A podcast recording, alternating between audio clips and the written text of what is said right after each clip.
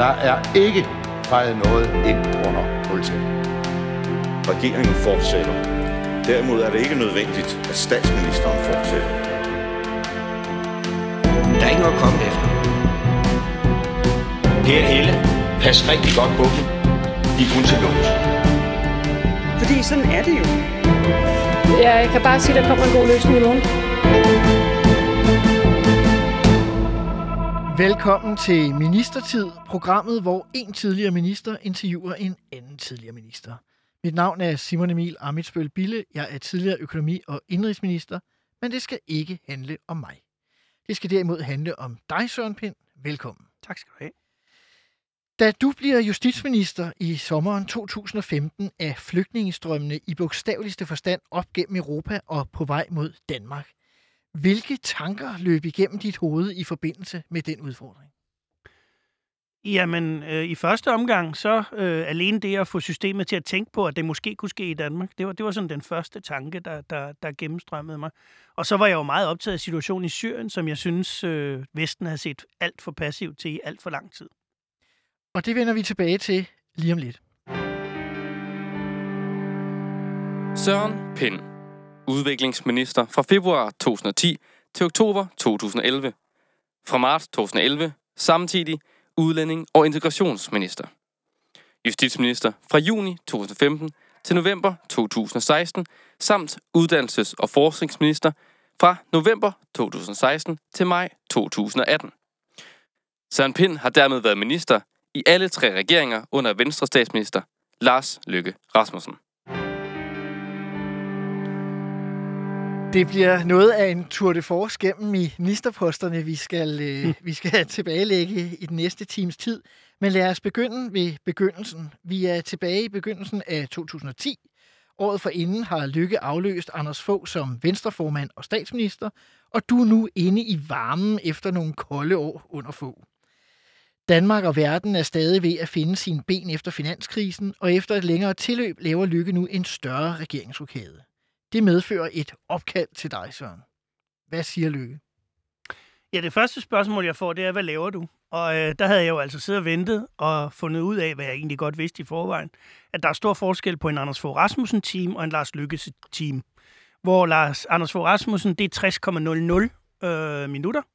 Så Lars Lykke, det er sådan en god halvanden times tid, eller sådan.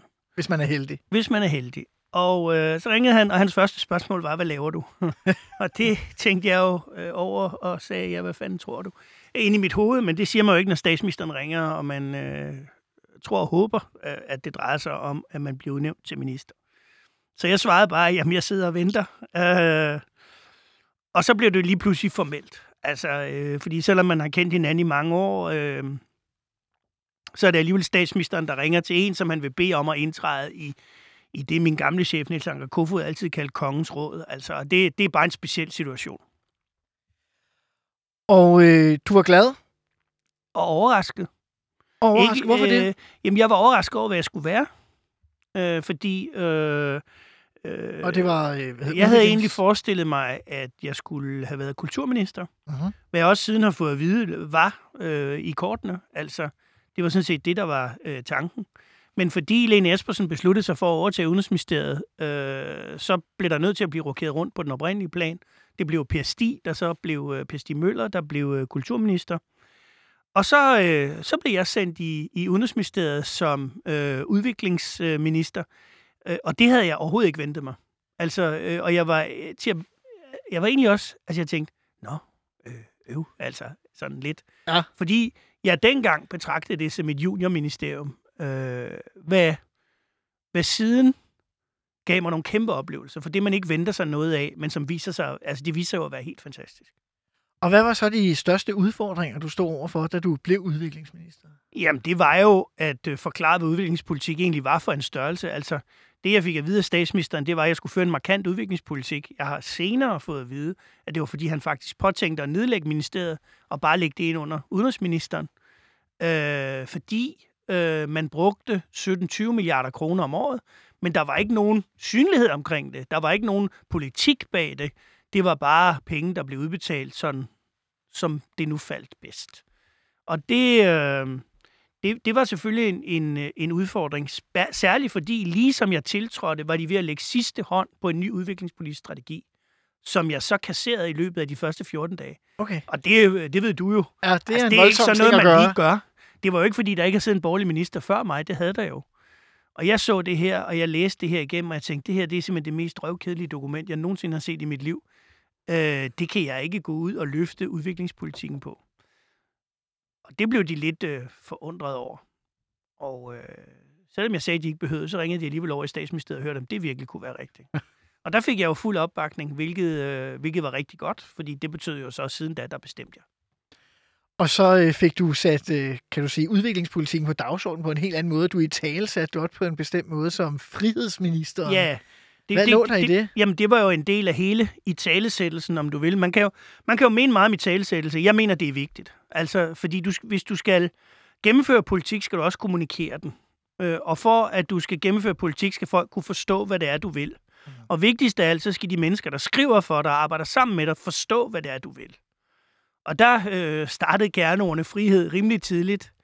Og da jeg fik den nye øh, udviklingspolitiske strategi, som vi sad og skrev igennem side for side for side, så tror jeg, der stod frihed i 49 gange, hvor det før havde stået der to eller sådan noget. Ikke? Så det var nemt nok at få apparatet til ligesom at, at vende antennerne og, og få en ny, ny offensiv stil, eller krævede det en større indsats? Altså nu har jeg jo prøvet fire ministerier. Ja. Øh, de mest antenneorienterede, lydhøre mennesker, jeg nogensinde har oplevet at arbejde sammen med.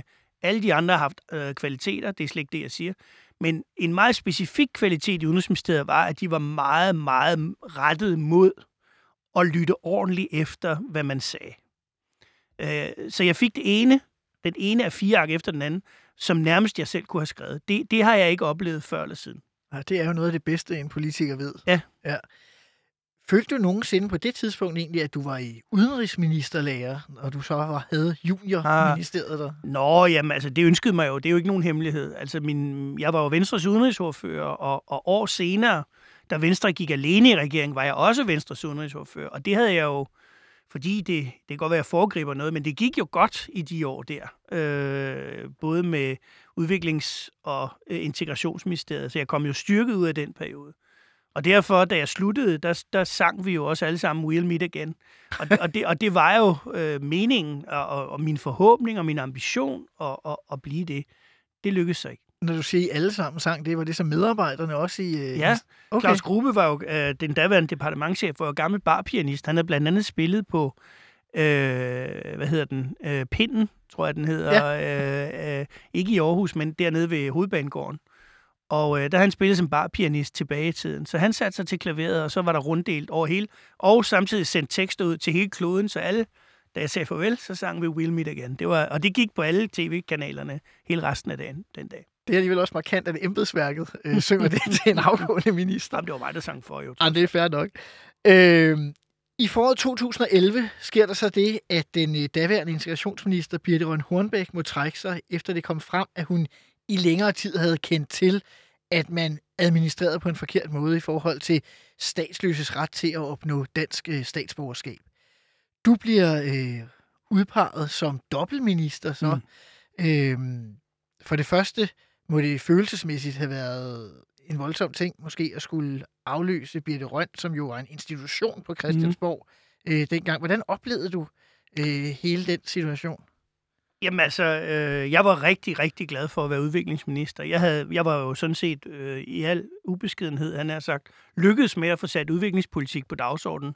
Det var pludselig noget, man talte om. Jeg havde været ude på tre fjerdedel af landets gymnasier, talt for tusinder af mennesker, havde været i avisen med alle mulige forskellige ting. Det der frihedsministerium, det bed sig på en eller anden måde fast. Og jeg var, jeg havde intet ønske om at forlade øh, ministeriet, og dagene før gik rygterne jo. Og øh, paradoxalt nok, så, så så konkurrerede Inger Støjberg og jeg om ikke at få den. Okay. Altså, øh, det arbejdede vi meget for, og vores to særlige rådgiver, de sad og spændt alle mulige aviserne om, at det skulle ikke, altså det skulle være den anden. Fordi man i dag måske glemmer, at det var en meget uriaspost dengang? Eller? Øh, jeg fandt det i hvert fald personligt svært at forbinde det der frihedsministerium med det integrationsministerium, altså Mhm. efter jeg nu havde sagt alle de der, og gjort alle de der ting, og fået, fået sat noget mere kapitalisme på udviklingspolitikken og, og, og, og demokrati og sådan noget. Ja. så lige pludselig det der at skulle stå for de lukkede øh, grænser og udvisninger og sådan noget. Altså, bum bum, ikke? men, øh, men det blev det så. Og, øh, og det var, det, det var, altså jeg ankom til et ministerium, som var i granatchok, øh, og som var lukket omkring sig selv, og hvor der var en stor bekymring for, hvad man sagde og hvad man gjorde, og hvor, øh, hvor der også var øh, altså en del råd, det må jeg sige. Og, og ja, ja, ja, jeg havde jo stor medlidenhed med, med Birte. Jeg synes, det var synd, at øh, det var endt sådan for hende. Og det var svært gå ud fra sådan en overgang. Hvordan var overgang egentlig, sådan ministeroverdragelsen, øh, hvor man jo typisk normalt fortæller sjove historier og får et glas? Ja, det var ikke, det, det, var, det, det var, hvad det var. Altså, øh, Birte og jeg kunne jo godt lide hinanden, så, ja. så, så det, gik, det gik ok, vil jeg sige. Okay, vi holder den der. Og hvad, øh, hvordan, hvad sagde statsministeren? Hvordan overtalte han dig? Skulle han overtale dig til det, at tage imod posten? Jamen altså, det, det gjorde han jo i den forstand, at han øh, jo, jo øh, sagde til mig, at du, det, det, der interesserede mig mest, det var, om jeg kunne få lov til at blive i Udenrigsministeriet. Okay. Og det sagde han med det samme, jamen det skal du også. Og det er jo svært, at, altså det er alligevel, altså et dobbeltministerium, det er alligevel, øh, altså det er, det er ikke mange, der, altså nu fik du det, du havde økonomi- og indrigsministeriet, men altså for, for han er sagt, en, der ikke er partileder eller, eller øverst op i, i, i hierarkiet, så er det alligevel noget at få på det tidspunkt. Og det fik jeg. Øh, og jeg havde også nogle bestemte holdninger til udlændingepolitik, som jeg så havde mulighed for, men der var jo kun seks måneder at gøre det i, det vidste vi jo. Ja. Øh, jeg vidste også, at der var forhandlinger på vej om en stor økonomisk pakke, så Dansk Folkeparti skulle have noget. Og jeg havde også et rimelig klart billede af, hvad det var, jeg kunne finde ud af at give dem. Hvad gav som du så, så? også lykkedes. Jamen, vi gav dem to ting. Øh, det ene, øh, det var øh, altså udvisning øh, ved, i, i, altså at anklagemyndigheden i forbindelse med øh, straffedomme, øh, hvor der var udsigt til fængsel, skulle rejse udvisningspåstand. Øh, det fik jo altså, øh, det er sådan set en historisk overset ting, men det har altså fået antallet af udvisninger til at stige til mange, mange tusind. Fordi sådan var det ikke før. Og anklagemyndigheden rejste typisk ikke udvisningspåstand. Der skulle meget grove tilfælde til. Ja, det fik ja. vi simpelthen lavet om der i 2011, hvilket jeg tager som en bedrift. Øh, og det andet, jamen det var, det var jo det her med, at man kiggede på de internationale konventioner og gik tæt på dem. Øh, det, det er der så nogen, der har taget til nye længder siden. Ja, det kan være, at vi ender tilbage til det.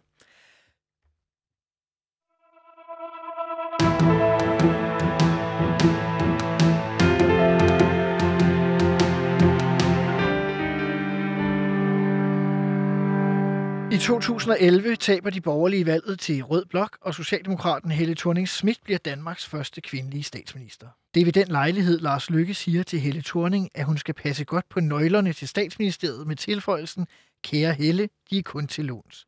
Og sådan bliver det. For fire år senere kan Lars Lykke atter danne en borgerlig regering og genindtage statsministeriet.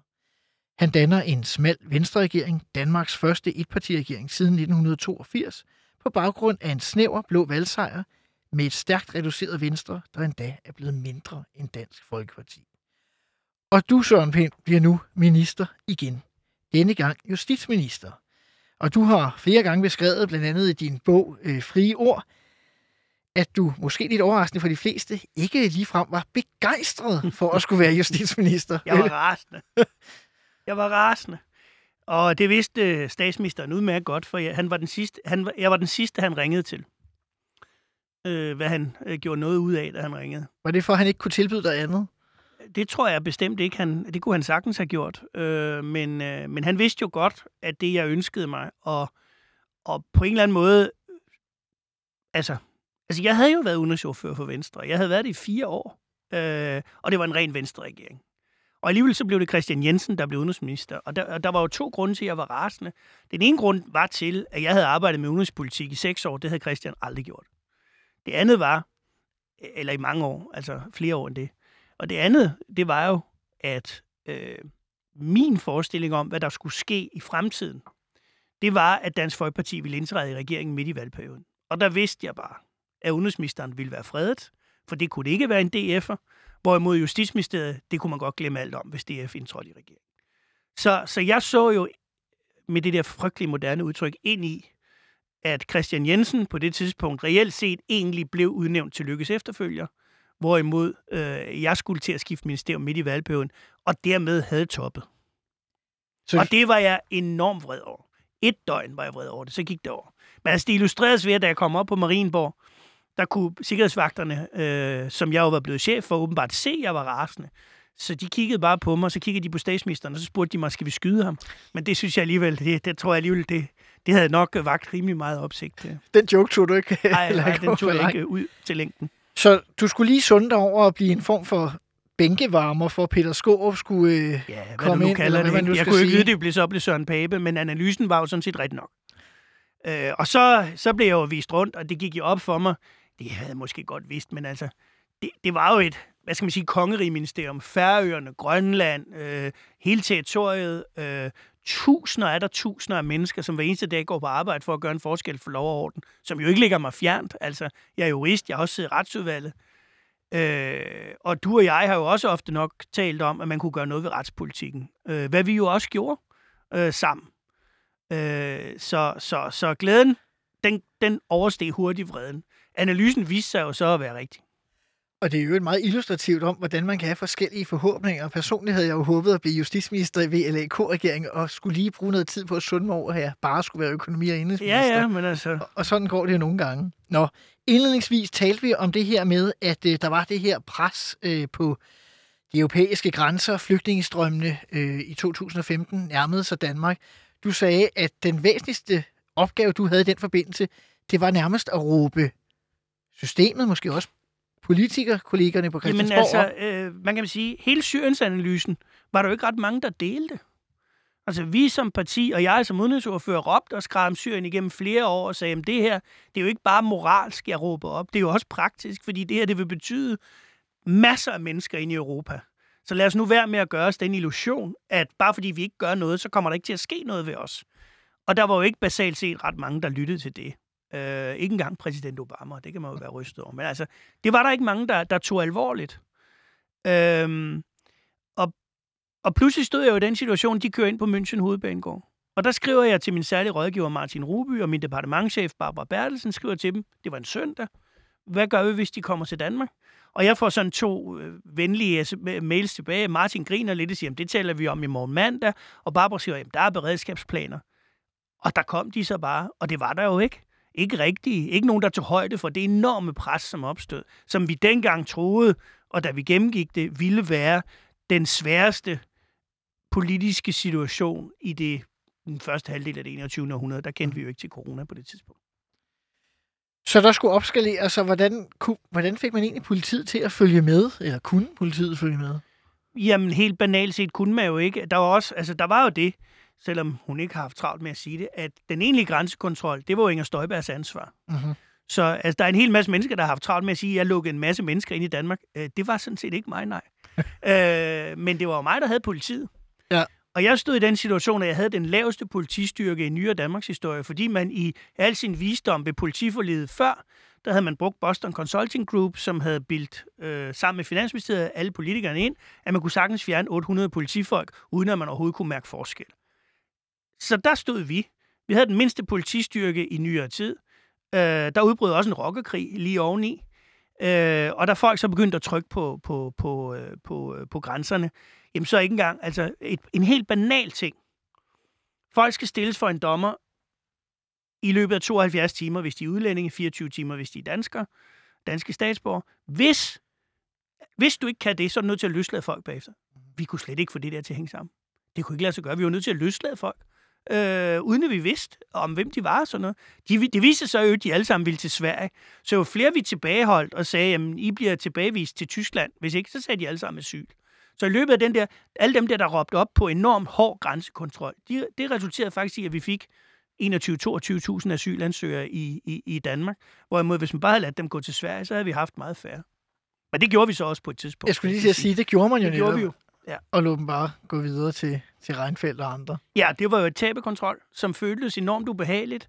Øh, men i situationen var det rigtigt. Altså, øh, med mindre selvfølgelig, man mener, at vi skulle have skudt på kvinder og børn, og det, det, det, det eller mænd for den sags skyld også. Og det, altså, det er der jo ikke nogen, der har drevet det til at sige, men der er mange, der har haft travlt med at sige, "Men hvorfor tænker I fandt jeg i det? Jamen, hvad, hvad, altså, hvad er Hvad det, var de det mener næste? med det? Ja.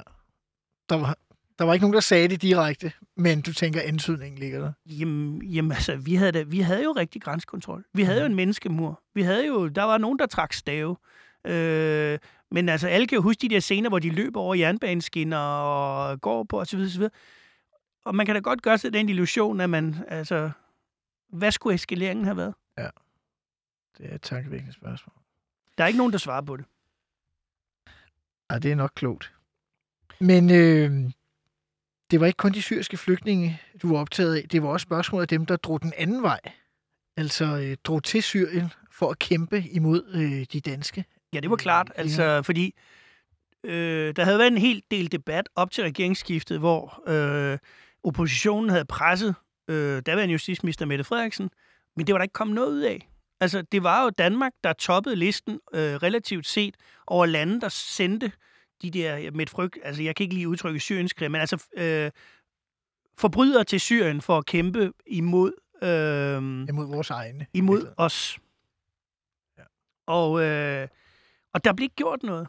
Øh, og det værste var, at der var jo sådan set en landsvigerparagraf i straffeloven, men fordi justitsministeren kom for skade at sige, at det kunne man ikke gøre noget ved, ja, så konstaterede professor Jørgen Vestergaard jo, at man ved det, der hedder desvetuto, altså at det var dødt og borte, øh, fordi øh, når anklagemyndighedens øverste chef, nemlig justitsministeren, siger, at det kan man ikke bruge, ja, så kan, så kan det jo bare blive fremhævet i retten, at mm-hmm. den duer jo ikke.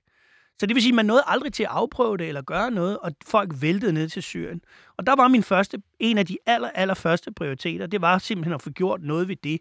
Og vi fik nedsat en såkaldt indsatsgruppe, som kiggede alle sagerne igen. Øh, vi fik strammet øh, forskellige regler, genindført en landsforræderparagraf, øh, hvilket jo, da julene begyndte at køre, resulterede i en, en, en række øh, domsafsigelser, og så æbbede strømmen jo ud. Øh, det, det, ansat, det synes jeg faktisk var en... Øh, altså, det er jeg meget tilfreds med. Udover spørgsmålet om, om Syrien, både den ene vej og den anden vej, hvad havde du så egentlig, gjorde du der så nogle tanker om, hvad du ville med justitsministerposten? Ja, altså, øh, jeg havde jo en vis erfaring, både som borgmester i Københavns Kommune, men også fordi jeg havde lavet Venstres retsoplæg, der var meget omdiskuteret, med fodlænker og... Altså elektronisk? Hvad siger du? Altså Ja, elektroniske ja, dog. ja, der var nogen, der morede sig med at, at sige, at det var fysisk, men altså i virkeligheden, altså for, for nogle af de her unge uromager, øh, isoleret, som man vidste, hvor de var henne, øh, øh, få, få, hvad kan man sige, respekt tilbage på gaden for autoriteter, myndigheder, øh, sørge for, at politiet ikke bare blev overdænget. Brandfolk oplevede jeg jo, mens jeg var borgmester i København, ikke kunne rykke ud, øh, fordi der blev kastet sten og alt muligt. Så for mig havde jeg det her billede af, at jeg ville genet, nyetablere, jeg tror ikke på, man, men altså nyetablere en form for, for øh, demokratisk øh, opførsel i det offentlige rum, hvor Mm. man lever med hinanden side om side, ordentligt og respektabelt. Så det tog vi fat på. Øh, hele ungdomskriminaliteten, hvor jeg også havde oplevet det her med, at folk bare gled gennem systemet, fordi lidt i øvrigt som den danske sundhedssektor, at folk, øh, den ene dag er det socialforvaltningen, så er det skoleforvaltningen, så er det SSP, så er det dit, og de glider bare rundt imellem systemerne, og pludselig har de 200 sager, men der er ikke nogen, der har afsluttet dem. De er aldrig blevet taget ordentligt i kraven. Så det var også et ambition, øh, som, jeg, som jeg godt vil løse. Altså, start tidligt. Øh, det kom vi også i mål med. Øh, Det var ganske vist Pape, der fremlagde lovforslaget, øh, men det var os, der havde lavet arbejde. Så hele det der, synes jeg var vellykket. Og i forhold til det senere også med respektpakke. Respektpakken nåede vi at lave, ja. Hvor øh, vi jo øh, dels fik indført en meget kulørt paragraf om, at for eksempel uromager, øh, altså dem, som havde anstiftet det, lederne af det, de kunne blive personligt ansvarlige erstatningsmæssigt for de skader, der var forvoldt og den slags ting. Det var jeg meget tilfreds med. Ja, og meget omdiskuteret, husker Ja, ja, jeg også. Øh, Jeg havde fornøjelsen af Jeg kan ikke huske, om I stemte for, eller I var imod, men øh, det var sådan lidt midt imellem, tror jeg. det Men kan man meget af det stemte I jo for. Jo, jo. Og øh, jeg var, når du siger, I stemte for os bare til lytternes orientering, jeg var jo retsordfører ja, Ja, for Liberal Alliance, mens du du var justitsordfører. Vi havde et fortrinligt samarbejde. Det havde vi, men en enkelt ting, der måske ikke var så fortrinligt et samarbejde om, måske ikke så meget med Liberal Alliance, men med Dansk Folkeparti, det var noget helt andet, nemlig der blev lavet et politiforlig, ja. jo, og der skulle også være placeringen af en ny ja. Ekstra politiskole Ja, øst for. Storebælt. Ja. Og øh, det var noget med, om den skulle øh, ligge i Herning. Det øh, blev der meldt ud, og øh, det meldte du ud, og det var Dansk Folkepartis leder, Christian Tusinddal, ikke så begejstret for. Kan vi sige det sådan? Det kan man godt sige, øh, uden at vi dog... Øh, altså, i virkeligheden var de første indikationer, vi fik, det var, at han, de ville sådan set slet ikke blandes ind i, hvor den skulle ligge hen. Men altså, jeg begik også fejl i den sammenhæng. Altså, jeg, jeg indkaldte... Øh, jeg ind, det var også fuldstændig åndssvagt. Vi tilrettelagde en proces, hvor vi bad alle landets kommuner om at melde ind, om de synes, der var en relevant grund, øh, hvor der kunne ligge en ny politiskole. Og hold kæft, mand, så kom alle kommunerne jo. Altså i virkelighedens verden skulle man have udvalgt centralt fem steder, hvor det kunne være relevant, og så øh, bede dem om at komme med bud på det. Vi valgte den omvendte proces, hvilket var en kæmpe fejl, fordi raseriet over ikke at få den blev så meget desto større, når nu folk havde brugt anstrengelser på det. Og Dansk Folkeparti havde af mig uvist, øh, uvisse årsager jeg kunne ikke få noget svar rigtigt ud af dem. Da vi engang fik, øh, jeg fik en tilbagemelding, så var det op til regeringen at placere øh, den der skole. Og det så, blev bare vanskeligere og vanskeligere og vanskeligere at komme igennem med det. Så du prøvede faktisk at finde ud af, hvad mener ja, de? Ja, det er jo også, ja, men når man, ser, tid. når man ser det udefra, virker det jo bare som, at regeringen kom og sagde, den skal ligge i Herning, og så blev DF sur, og de ikke var blevet spurgt. ikke. Altså, øh, det, det gjorde jeg ikke. Jeg, jeg prøvede i lang tid at finde ud af det. Og, øh, og til sidst så insisterede jeg på at prærogativet til at placere øh, statslige øh, institutioner. Det ligger i regeringen, det gør det jo også. Uh-huh. Men øh, det... Øh, altså, jeg må forstå, at Claus Hjort og Christian Tulsendal havde lavet en anden aftale. Det, den var jeg bare ikke bekendt med. Nej, nej, og man kan vel sige, at det ligger jo heller ikke mere hos regeringen, end at et støtteparti altid kan sige, så vil vi ikke have ministeren. Ja, ja, jamen, det er klart. Det, den mulighed er der jo. Det havde nok været rimelig dramatisk, hvis de havde hjulpet mig med det. havde været meget voldsomt, men, ja, men... Jeg kan huske, at LA troede med det en enkelt gang. Og det kan man, øh, kan man sagtens forestille sig, at LA har gjort. Øhm, hvordan påvirker det dit forhold til Tulsendal egentlig, eller Peter Skåb? Øh, Altså, jeg kan huske en gang, jeg sagde i folketingsgruppen, at øh, nogle gange, når jeg hørte, hvad Dansk Folkeparti sagde, så måtte jeg bide meget hårdt i bordpladen, hvorpå statsministeren replicerede, det kunne han sådan set udmærket forstå, men jeg skulle bare huske, at grunden til, at jeg overhovedet havde en bordplade at bide i, det var Dansk Folkeparti. Og, og det, det var jo sådan set meget udtryk for situationen. Ja.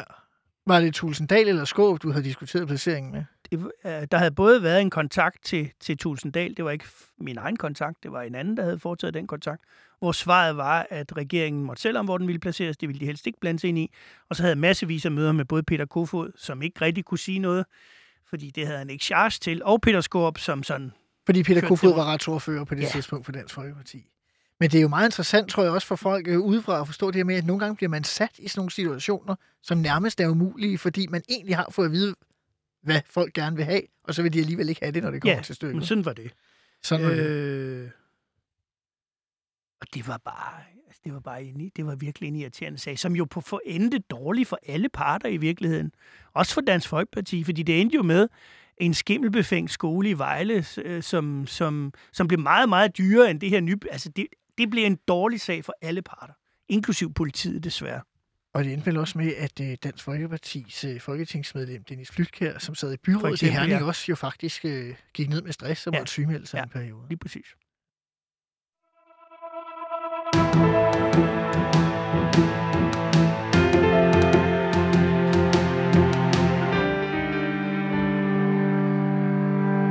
Nu kommer vi til et øh, fast element i programmet, der hedder fem øh, faste spørgsmål, som bliver stillet til alle de ministre, der, tidligere ministre, der kommer forbi programmet. Det er korte spørgsmål, korte svar, og du kan sådan set bare svare øh, ja eller nej, hvis det er det, man ønsker okay. sig. Du må også gerne uddybe. Det første er, fik du udrettet nok øh, i den tid, du var minister på de fire poster, du havde? Ja, det synes jeg. Altså, øh, det kunne have været sjovt at have en post i fire år, i stedet for fire poster i et år og seks, syv måneder. Altså, øh, det, det kunne det da. Men jeg synes, jeg med det, jeg havde at gøre med noget, øh, noget rigtig meget, ja. Hvad var din ministertids værste øjeblik?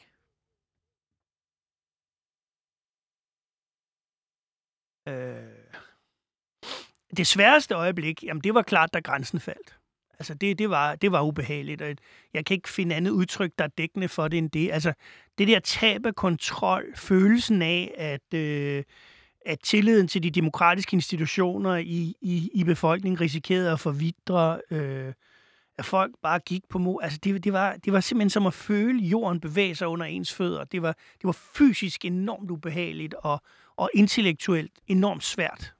Og der er jo også noget, for, noget sådan mærkeligt i, at magten bliver magtesløs i virkeligheden. Sådan en og, og, det, og det var det, jeg var bange for, at, at altså, hvis det sker, så vinder diktaturerne jo. Altså, det, det, det er jo det, demokratiet aldrig må vise, at det er sværere end diktaturerne. Det skal helst være demokratisk og samtidig lige så stærkt. Fordi efter min opfattelse er demokrati også en styreform. Mm-hmm. Øh, så det gjorde vi os umage for, og der blev hentet mærkelige ting nede i Justitsministeriets dybeste kælder af vagtøjer, vi kunne finde frem. Er der noget for din ministertid, du flår over? Øh, ja, ja. Det er der da masser af ting, jeg flår over, ja. Må jeg høre et eksempel? Øh, øh, ja, det ved jeg sørme ikke. Jeg snød faktisk engang Pia Kærsgaard. Snød du Pia Kærsgaard? Hvordan det? Ja. Jamen, øh, det gjorde jeg, fordi øh, Pia Kærsgaard og jeg, jeg interesserede mig meget for nogle tal, som lå bagved øh, udlændingepolitikken, som handlede om, øh, jeg, kan ikke, jeg kan faktisk ikke huske præcis, hvad det var, det handlede om i dag, men det var noget med, øh, det var sådan nogle, jeg kan ikke huske, om det var beskæftigelse, eller bagved, i hvert fald bagvedliggende tal, der kunne påvirke udlændingepolitikken. Og så pludselig en dag, så stillede Pia Kærsgaard de spørgsmål om en analyse, jeg var ved at få lavet. så fik hun en folketingsbesvarelse sent fredag aften.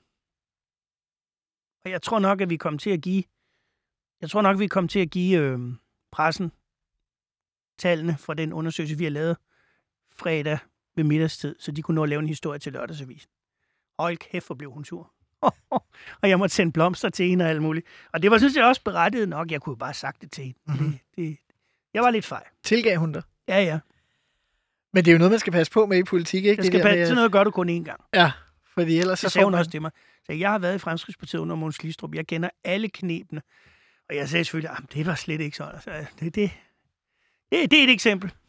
Så skal jeg måske undlade at stille det fjerde faste spørgsmål, som hedder, om du nogensinde har bagt en stor revkage. Det her var jo i hvert fald en lille.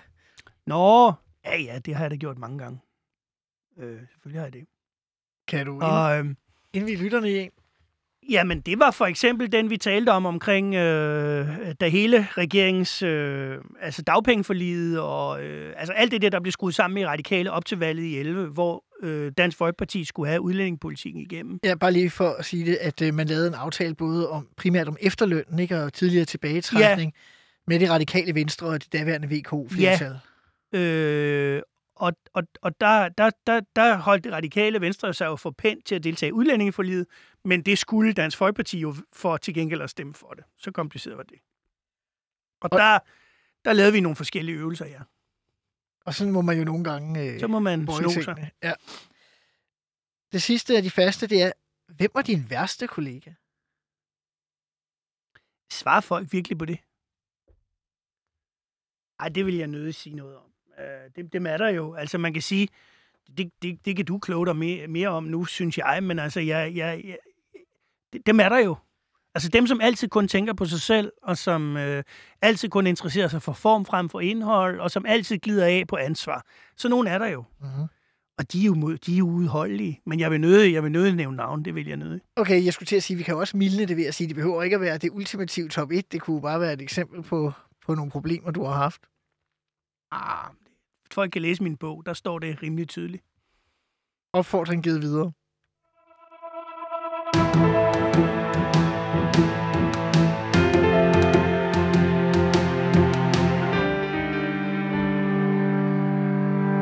Efter længere tids offentlige skænderier mellem den daværende Venstre-regering og Liberal Alliance bliver V-regeringen afløst af en VLAK-regering i november 2016. Du, Søren Pind, bliver rokeret fra Justitsministeriet, der overlades til den konservative partiformand Søren Pape Poulsen, og du kommer over i Uddannelses- og Forskningsministeriet. Du fortalte tidligere, at du var forberedt på, at, øh, at Justitsministeriet godt kunne være en venteposition i forhold til et andet ministerium. Mm, Hvordan overbragte Lykke nyheden, og hvordan reagerede du? Jamen, øh, det var sådan set på en rimelig dårlig måde, øh, fordi øh, fjernsynet kunne jo sidde, mens jeg sad med mine børn, fortælle, at Søren Pape skulle være justitsminister. Så min ene søn, han begyndte at græde. Han, han havde ikke... Det var faktisk ikke... ja. Øh, og, og, og senere ringer Lars Lykke i rimelig oprømt tilstand, må jeg sige. Øh, øh, småberuset, vil jeg næsten sige. Og, og siger til mig, at øh, øh, ah, det bliver skide godt, og, øh, og alt muligt og sådan noget. Og jeg, og jeg, jeg var sådan forbløffet, fordi okay, øh, jeg, havde skrevet noget om... Øh, jeg havde skrevet noget om øh, dannelse i min første bog, og jeg er jo gået op i det og sådan noget, ikke? Men altså, Sandheden er øh, om det, at jeg følte mig øh, rimelig slidt øh, af min tid i Justitsministeriet. Jeg synes, det har været rimelig, rimelig hårdt. Øh, ikke mindst, øh, kan man sige, øh, det med, at du personligt bliver orienteret efter retningschefen om de ting, der foregår i Danmark, samtidig med, at vi havde den her enorme krise, samtidig med, at vi havde rockerkrig. Det var enormt svært. Øh, og jeg, havde, øh, jeg var allerede begyndt at spekulere på, at jeg skulle ikke øh, fortsætte i politik. Jeg havde også fået for højt blodtryk. Under EU-afstemningen gik jeg lige pludselig skævt. Altså, jeg begyndte at hælde til venstre.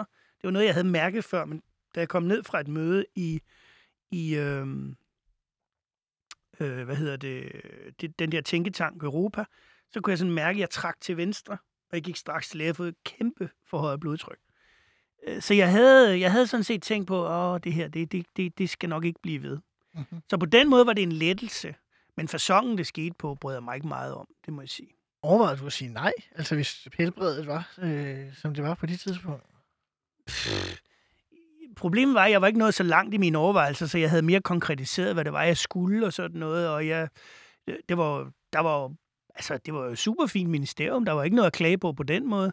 Men altså, det, det, det der med, det ene skæbne, at man åbenbart skal være halvandet år til sådan mellem halvandet og to år hvert sted, det var bare irriterende. Altså, det, det var sådan ligesom, jamen så, så må jeg jo hellere se, og det, altså, det var egentlig kun understregende for, at, øh, at mine kræfter skulle nok ligges et andet sted. Det betød jo også, at min nye medarbejdere overtog, øh, jeg vil ikke sige en udbrændt, for det var jeg ikke, men jeg var, jeg var, jeg var, jeg havde slet ikke de kræfter, jeg havde i gamle dage. Det havde jeg ikke. Jeg havde slet ikke heller den samme sult.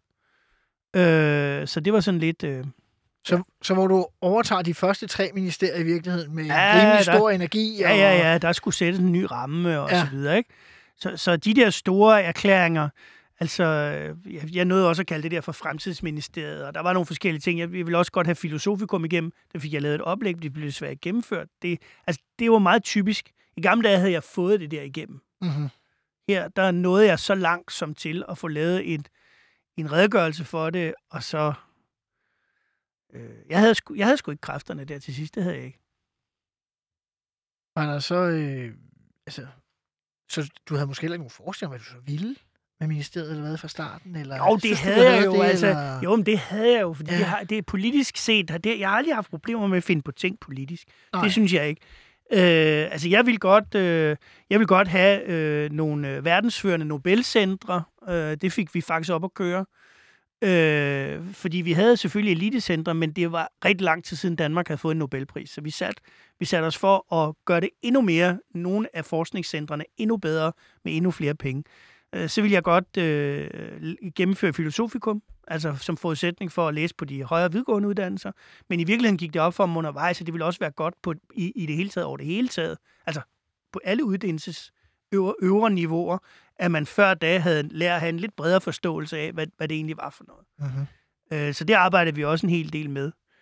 Øh, og så blev der lavet en reform af måden, vi, øh, vi optager og belønner universiteterne for at optage kandidater på, fordi man kan sige, på et tidspunkt havde man resolveret, at hvis man nu gav penge til universiteterne per kandidat, så ville de nok producere flere kandidater. Det var rigtigt nok. Men de endte jo med at producere meget mærkelige kandidater. Jo, man får, hvad man betaler for. Ja, så blandt andet fik vi indført sådan et krav, eller en, en, en honoreringsaftale, som gik lidt tættere på, hvor man sagde, at altså, hvis de kommer i job bagefter, så får I også nogle penge. Ikke? Altså, det, det, var, det, var, det var vanskeligt. Altså. Men, men i Danmark har vi jo valgt en bagudvendt model. Vi har, en, øh, vi har ikke en efterspørgselsdrevet model, vi har en udbudsdrevet model. Øh, og det, det, det tror jeg i længden ikke er klogt. Det, det kunne jeg trods alt ikke gøre noget ved. Man kan sige, men det er sådan en liberal dagsorden fra, fra væg til væg. Det er en kæmpe, det. det er en kæmpe ja. dagsorden. Ja. Det er bare meget sjovt. I Schweiz gør de det jo modsat. Altså for 75 procents vedkommende, når du går ud af folkeskolen, så får du et job. Og når du så får jobbet, så, så knytter uddannelsen sig an til dit job. Ja. Øh, altså. Og i Danmark, der giver vi folk 25 års uddannelse, og så håber vi på, at de får et arbejde bagefter. altså, det er jo le monde à l'envers, som det vil sige på fransk, den omvendte verden. Ja. Da ikke alene bliver du jo øh, forskningsminister eller uddannelsesminister. Øhm, Liberale Alliance konservative træder ind i regeringen efter måske et, øh, et specielt forløb, der har været alle de her diskussioner om topskat osv. osv. Altså det, man kan sige om det, og det vil jeg dog af med, når du nu står her, det er, at den, den borgerlige regering, der faldt, er den eneste borgerlige regering, tror jeg, i nyere tid, der har haft så enorm økonomisk medvind, skabt så meget vækst i det danske samfund, som det samtidig så lykkedes at smide magten væk bagefter. Det er jo alligevel utroligt. Og det kan man jo have, have det kan lange man have mange diskussioner, analyser og det kan være, at vi skal lave et specialprogram, hvor vi laver en analyse af, hvad der gik galt.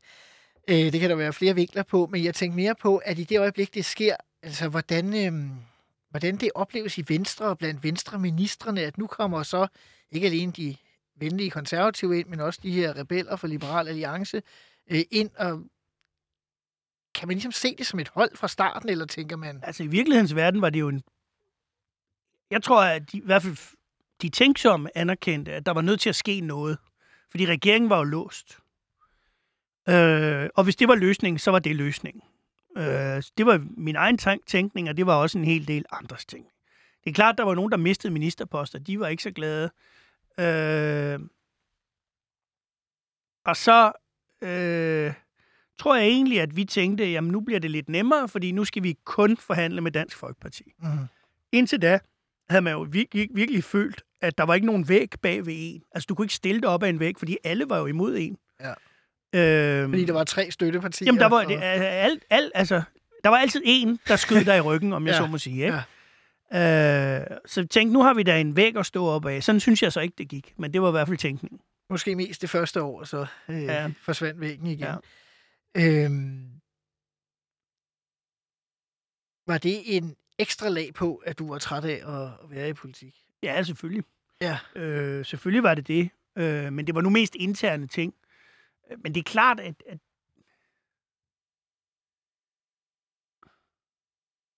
altså, øh, jeg fik sådan meget oplevelsen, det, og, det, og det, det, der skal man jo altså også holde op, ikke?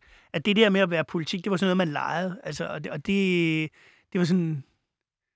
Det er der Samuelsen sagde, jeg gør det her for mine børn, topskatten skal ned. Hvis ikke topskatten kommer ned, så har jeg svigtet mine børn. Og så næste dag sad han i Udenrigsministeriet. Altså, men det det er ikke for at hakke nødvendigvis på ham, men det var bare, der var bare meget der, og jeg, jeg, kunne, jeg kunne sgu ikke, øh, jeg kunne ikke, jeg kunne ikke rigtig vride mig ud af det. Og så, og så var de interne slagsmål i Venstre var jo meget værre. Altså, der kan man jo sige, slagsmål mellem Lykke og Christian Jensen, og Støjbergs halvstarighed på udlændingepolitikken, altså det kan du jo gange med fem i forhold til det der. Fordi det, det synes jeg var, det var, det var, det var noget af det allersværeste, synes jeg. Det her med, at udlændingepolitikken var flyttet fra at være et spørgsmål om antal, hvor vi havde klemme på Socialdemokratiet, til pludselig at blive et spørgsmål om regulering af almindelige menneskers hverdag, det var meget svært for os. Og vi skændtes internt, så det bragede. Du har jo talt en del om et, øh, et gruppemøde, hvor du øh, tager det op øh, med ja. Ja. udlændingepolitikken. Kan du ikke... Øh, Jamen altså, øh, hele den forskubbelse, hvor Socialdemokratiet var blevet enige med sig selv om, at antallet var et problem, det var en revolution. Øh, og øh, det går op for mig relativt tidligt, vil jeg mene, men altså andre kan jo være uenige, at den beslutning havde de truffet, og de ville ikke gå på kompromis med den beslutning. De ville hellere stemme hårdere end regeringen i langt de fleste spørgsmål, lige på nær ydelserne, end de ville ofre den position. og jeg kunne jo se, at slagsmålene tog til hos os, mens de var så godt som fraværende i Socialdemokratiet. Men der var en indet overbevisning fra Støjberg, og delvis også fra Lykke om, at bare man pressede hårdt nok på, så skulle Socialdemokratiet nok krakelere. Og jeg troede ikke på det. Øh, og det man bare skal huske dengang, det var, der var den økonomiske medvind, der var situationen omkring Ukraine og Syrien, hvor folk faktisk var blevet bekymrede for, hvordan det internationalt skulle hænge sammen. Øh, EU-samarbejdet efter Brexit blev lige pludselig relativt populært. Altså, der var nogle forskellige ting, man kunne tage at gribe i som liberalt parti, hvor man ligesom lancerede sig som det moderne parti i det 21. århundrede. Og der var det min tanke at sige, godt, nu hjemtager vi den gevinst, at Socialdemokratiet har anerkendt, at de borgerlige 30 år har haft ret i udlændingepolitikken. Og nu tilbyder vi Socialdemokratiet, vi de gode borgerlige, vi tilbyder Socialdemokratiet at lave en fast, men begavet udlændingepolitik, eller jeg skal måske sige og begavet udlændingepolitik. Øh, fordi så står vi som de folkelige garanter for, at problemstillingen, vi har forstået den alle sammen, Lykke kunne stige ned fra bjerget og sige, nu er der styr på det. Altså, og dem, som vil have en endnu hårdere, de jo altid stemme på Dansk Folkeparti. så du forestiller dig et nationalt kompromis? Jeg forestillede mig eller- et nationalt kompromis. Og det spurgte jeg øh, SAS om, og han gik til Mette Frederiksen, som sagde, at det ville de godt. Øh, de slap jo så for at høre på de radikale, hvilket var meget vigtigt for dem dengang. Øh, og vi andre kunne tænke, jamen altså dem, som virkelig vil have noget hårdere, end det S og V sammen kan finde på, og det vil jeg nu alligevel sige, vil være rimelig hårdt, øh, de kan jo altid stemme på Dansk Folkeparti. Så du siger, SAS og Mette Frederiksen, de siger, ja, vi kan godt lave Ja, national kompromis. Du går... Så går, jeg, så går jeg øh, dels i folketingsgruppen og foreslår, foreslår den her model i håbet om, den bliver lækket. Det gør den ikke. Øh, og så nævner jeg det så på et regeringsmøde. Og der bliver bare helt stille. Altså, hvor jeg siger, jamen, vi er nødt til at rykke os. Vi er nødt til at have noget ny tænksomhed ind i vores politik. Ellers taber vi, fordi vi er fastlåst i øjeblikket. Øh, vi nævner udvikler du heller ikke et, ny nævner politik. du det på et regeringsmøde? Ja. Fordi det er personligt ikke nogen erindring om. Nej, men undskyld. Ja. Ja. Det, jeg nævner det på, det er vores fredagsmøde i statsministeriet i 60 Altså Venstre ministermøde. Venstre ministermøde. Det er fordi, bare Ja. så folk ved det, der er et ministermøde om tirsdagen, Men altså, om så, det, så det er Venstre ministermøde, Yes, jeg nævner tak. det på. Mm. Øh, og der, der bliver der bare helt stille. Og der sker to ting, jeg hæfter mig ved. Den ene det er, at den første, der så stiller et spørgsmål, det er Inger Støjberg. Og der siger hun, jamen, hvordan skal vi så vinde valget? Hvilket jo illustrerer for mig, at det var jo, altså, hvad er det udtryk for det spørgsmål? Så er det jo rent taktik. Altså, det, er ikke, det handler jo ikke om indholdet i udlændingepolitikken, så handler det bare om at bruge den som en form for rambuk. Og det andet, det er Claus Hjort, hvor øh, Lars Lykke lander sig ind over ham, da jeg går ud og siger, han, tror du, han siger til Claus, tror du Søren har ret? Og så bliver det afvist, ikke? Overvejede du nogensinde at gå til øh, LA eller K? Og sige, Jeg hey, tænkte, øh, ja, min tanke med det ja. var, at det vigtige var S og V. Jeg var helt sikker på, at LA og K rigtig adspurgt, altså selvfølgelig behandlet ordentligt, Mhm. ville tilslutte sig det, men det var jo ikke min, det var jo ikke op til mig. Jeg var jo, jeg, alene det, at jeg allerede tog snakke med Socialdemokratiet, var jo rimeligt at gå ud over mine beføjelser. Det er klart. Jeg har bare, når jeg har hørt om historien, tænkt, at hvis øh, man i ledelsen af Liberale Alliance eller det konservative Folkeparti havde måske kendt ideen bedre, så havde man måske også kunne tage drøftelserne med Lykke og påvirket ham. Men det ville måske være for illoyalt. Ja, ja det, det turde jeg simpelthen ikke. Okay. At det synes jeg ikke. Jeg havde, det var lidt den samme overvejelse, jeg også beskrev i min bog. Jeg kunne godt have tænkt mig at lave sådan en, hvilket også igen vidner om manglende energi. Øh, hvad var det nu? Lack of energy, var det ikke det, Trump han sagde? Uh-huh. Altså, jeg ville godt have lavet en Macron-agtig bevægelse, sådan samlet intellektuelle, erhvervsfolk, ja. øh, kulturfolk, i sådan en bredere bevægelse, som øh, såkaldt almindelige mennesker kunne tilslutte sig om. Og ud, altså det her perspektiv med det moderne liberale i det 21. århundrede, øh, Europa øh, så videre. Altså det, som Macron jo i virkeligheden gjorde med Armage, som jo til at begynde med ikke var et politisk parti. Det ville jeg godt have knyttet Venstre an til. Mhm. Jeg havde ikke kræfterne til det. Og det havde jeg blandt andet ikke, fordi de perspektiver opererede mig jo ikke med. Nu kan jeg så se, at Lars Løkke siden er begyndt at operere med de perspektiver. Jeg synes jo tre år for sent. Så meget, ja, meget er sket, øh, kan man sige, siden, og, og måske kommer han, kommer han efter det, det må vi jo se. Men øh, jeg kan ikke lade være med bare et sidste spørgsmål omkring det her tænke, om du har overvejet også, om SAS kunne spille dobbeltspil i forhold til det. Om Nej. i virkeligheden, øh, fordi Socialdemokratiet var jo meget glade for at kunne have Ja. den situation, der Ja. opstod, og den Men har du- de vel brugt men- lang men, tid øh, på at forberede. Ja, men eller hvad skal man sige? Det, der jo er udfordringen i det her, det er, at timing er alting. Og lige på det tidspunkt var de stadig bange for, at de radikale skulle ødelægge deres valg. For det havde de jo gjort en gang før. Mhm.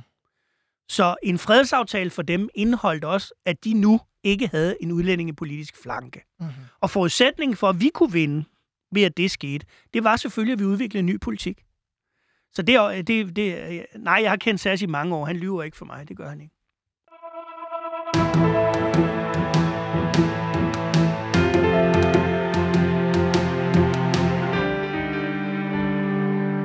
Til sidst, så øh, kunne jeg godt tænke, dig, tænke mig at spørge, altså du er jo ligesom træt Mm. mm. af at være minister, eller hvad man skal Mm. mm. sige, eller træt af politik, eller løber tør for ligesom mm. at, at kunne løbe videre med. Mm.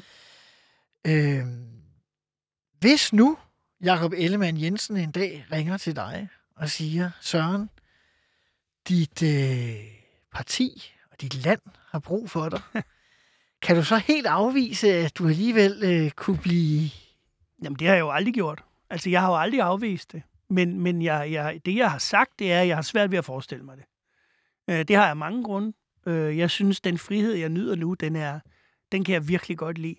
Og så siger folk, om ikke jeg kan holde min kæft, og så siger jeg, det har jeg jo aldrig nogensinde lovet. Altså, jeg gik ikke ud af politik, fordi øh, jeg ville holde op med at sige noget. Jeg gik op ud af politik, både af strukturelle grunde, fordi jeg følte, at, øh, at det var faktisk ligegyldigt, hvad man sagde. Mm-hmm. Altså, øh, øh, de interne slagsmål, udlændingepolitikkens fuldstændige øh, tomhed. Øh, og alt det der har jo ikke forandret sig synderligt endnu. Altså, strukturen er jo stadig de samme. Du har stadig, øh, på grund af statspengene, på grund af de øh, medlemmerne flygter ud af de politiske partier og sådan noget, så har du stadig en, en, en topstyret tilgang, hvor maks tre mennesker i hvert parti definerer, hvor man skal hen. Og det, det kan jeg ikke se mig selv i. Det synes jeg er meget svært. Også selvom jeg måtte være en af de tre. Også selvom det var en udenrigsministerpost, der stod og blinkede foran Altså, dig. jeg har aldrig, jeg har aldrig nogensinde, øh, jeg har aldrig nogensinde afvist det, øh, det der. Men det, det, jeg har med det, det er jeg har svært ved at se det. Øh, jeg er ved at opbygge en virksomhed, som går bedre og bedre. Øh, jeg skriver på livet løs. Jeg har en, jeg lige bygget et nyt hus. Jeg, jeg, jeg, jeg, jeg, kan sgu, jeg, det har jeg svært ved, altså. Og jeg tror, det der med at vende tilbage, jeg, kan, jeg har jo set flere eksempler på det. Det er meget sjældent vellykket. Fordi man vender altid tilbage til noget, man troede, der var, og så er det jo alligevel anderledes. Og kan man trives med det? Jeg har svært ved at se det. Du tænker Søren Gade, Britta Schall Holberg, eller... Nu nævner du det. Ja, fair nok. Hvad med, øh, hvordan tog Lykke det egentlig, da du ringede og sagde, nu er det slut? Du stopper jo på den her meget specielle måde, midt i det hele. Altså, det er jo, jeg synes, det er så interessant i den forstand, at der er jo stort set ingen, der afgiver Nej. ministerposter frivilligt. På Og det den var måde også det helt vildt. Altså, den reaktion, jeg fik dagen efter, de dagene efter på gaden, jeg har aldrig oplevet noget lignende. Altså, det var som om, jeg var Montgomery, der gik igennem København. Altså, det, at folk havde set, at man faktisk kunne afgive magten helt selv, det gjorde et meget stort indtryk. Folk, de kom hen, de skulle nærmest røre og sådan noget. Det var, det var, det var, det, det, det var, det var en meget speciel oplevelse. Øhm, jamen, først ville han jo ikke acceptere det. Altså, i første omgang ville han jo ikke acceptere det. Han, han, han mente jo, det var pjat, og han gik og spredte, jeg var bare i midtvejskrise, og bla bla bla bla, og sådan noget der, ikke? Men altså, til sidst, øh, så måtte jeg jo bruge det kongelige teater som løftestang for at komme ud. Så sagde jeg, nu er jeg altså søgt. Øh, og hjem, det mener jeg ikke er forenligt med at være minister. Åh, det mente han nok. Og det, og det gik så vidt, så... Øh, Du søgte direktørposten for ja, det kongelige teater. det gik så vidt, så Christian Kettel, hans departementchef, forarvet kom ind og sagde til ham, det kunne simpelthen ikke være rigtigt. Nu havde han hørt på gangene, at ministeren havde søgt. Det kunne man da ikke samtidig. Så sagde Lykke, ah, det, det har jeg altså sagt til ham, han godt kan. Og der sagde jeg til ham, at han, du, altså, i- da sådan tid nærmede sig, så siger du skal bare vide, om jeg får den eller ej, så går jeg altså. Og der tror jeg, det langt om længe gik op for ham. Jeg mente det alvorligt. Og så blev jeg nummer to øh, i en meget dramatisk proces. Øh, og så sagde jeg, nu skal du altså finde en dag. Så han fik lov at bestemme dagen. Han fik lov at bestemme dagen, og så valgte han 1. maj. Men jeg fik kun en halv times varsel. Men der havde jeg heldigvis forberedt mig rimelig grundigt. Søren Pind, tak fordi du øh, havde lyst til at være med her i Ministertid på 24-7. Mit navn er Simon Emil Amitsbøl Bille, og jeg er snart tilbage med endnu en tidligere minister her på kanalen.